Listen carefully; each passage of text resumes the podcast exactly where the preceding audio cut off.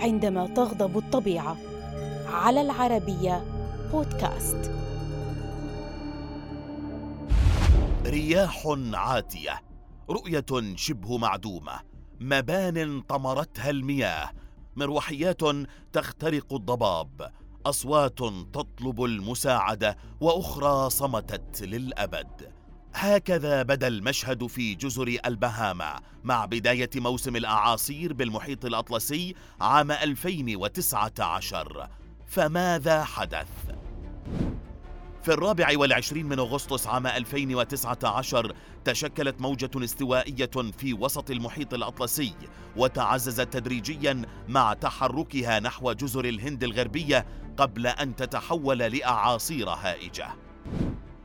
في الأول من سبتمبر وصل إعصار دوريان ليابسة دولة جزر البهاما كإعصار من الفئة الخامسة متسببا في فيضانات ودمار شامل في جزيرتي أباكو وغراند بهاما شمال غرب البلاد.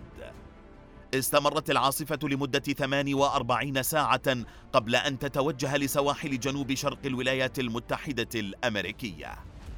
حملت الرياح معها المياه والصخور وغمرت الفيضانات المباني وانتزعت أسقف المنازل وتطايرت شظايا السيارات. امتلأت الطرق بالحطام والأشجار المتساقطة فيما كانت إمدادات الوقود محدودة. كذلك كان الوصول إلى الجزر أمرا صعبا للغاية حتى بالنسبة إلى فرق الإنقاذ التي تدخلت لنقل الأشخاص جوا من الجزيرة إلى ملاجئ في البر الرئيسي. وفيما تسبب الإعصار في تدمير مبنى المطار الرئيسي في جراند بهاما أصبح وضع الملاحة صعبا وحوصر الكثير من الأشخاص وسط المياه ما تطلب الإنقاذ بواسطة القوارب. حيث أنقذ خفر السواحل أكثر من 230 شخصا. انقطعت الخدمات عن المناطق المتضررة وفي ولاية كارولاينا الشمالية وحدها فقد أكثر من 190 ألف منزل الكهرباء خلال العاصفة. كما توقفت إمدادات المياه النظيفة وتعطلت سلاسل إمداد التموين.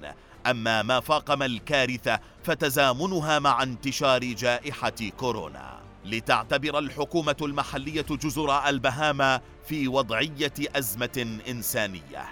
استمرت آثار الإعصار خمسة أيام. كانت كافية لتودي بحياة 74 شخصا مع بقاء 245 شخصا في عداد المفقودين. قالت الأمم المتحدة إن سبعين ألف شخص أصبحوا بلا مأوى وتضرر أكثر من سبعة وثمانين في المئة من جزر أباكو. فيما أشارت بيانات الأقمار الصناعية إلى أن ما بين 76% إلى 100% من مباني جزيرة جراند بهاما قد دمرت. قدر بنك التنمية للبلدان الأمريكية الأضرار المترتبة على الإعصار بنحو ثلاثة مليارات وأربعمائة مليون دولار. وهو ما يعادل ربع الناتج المحلي الإجمالي لجزر البهاما.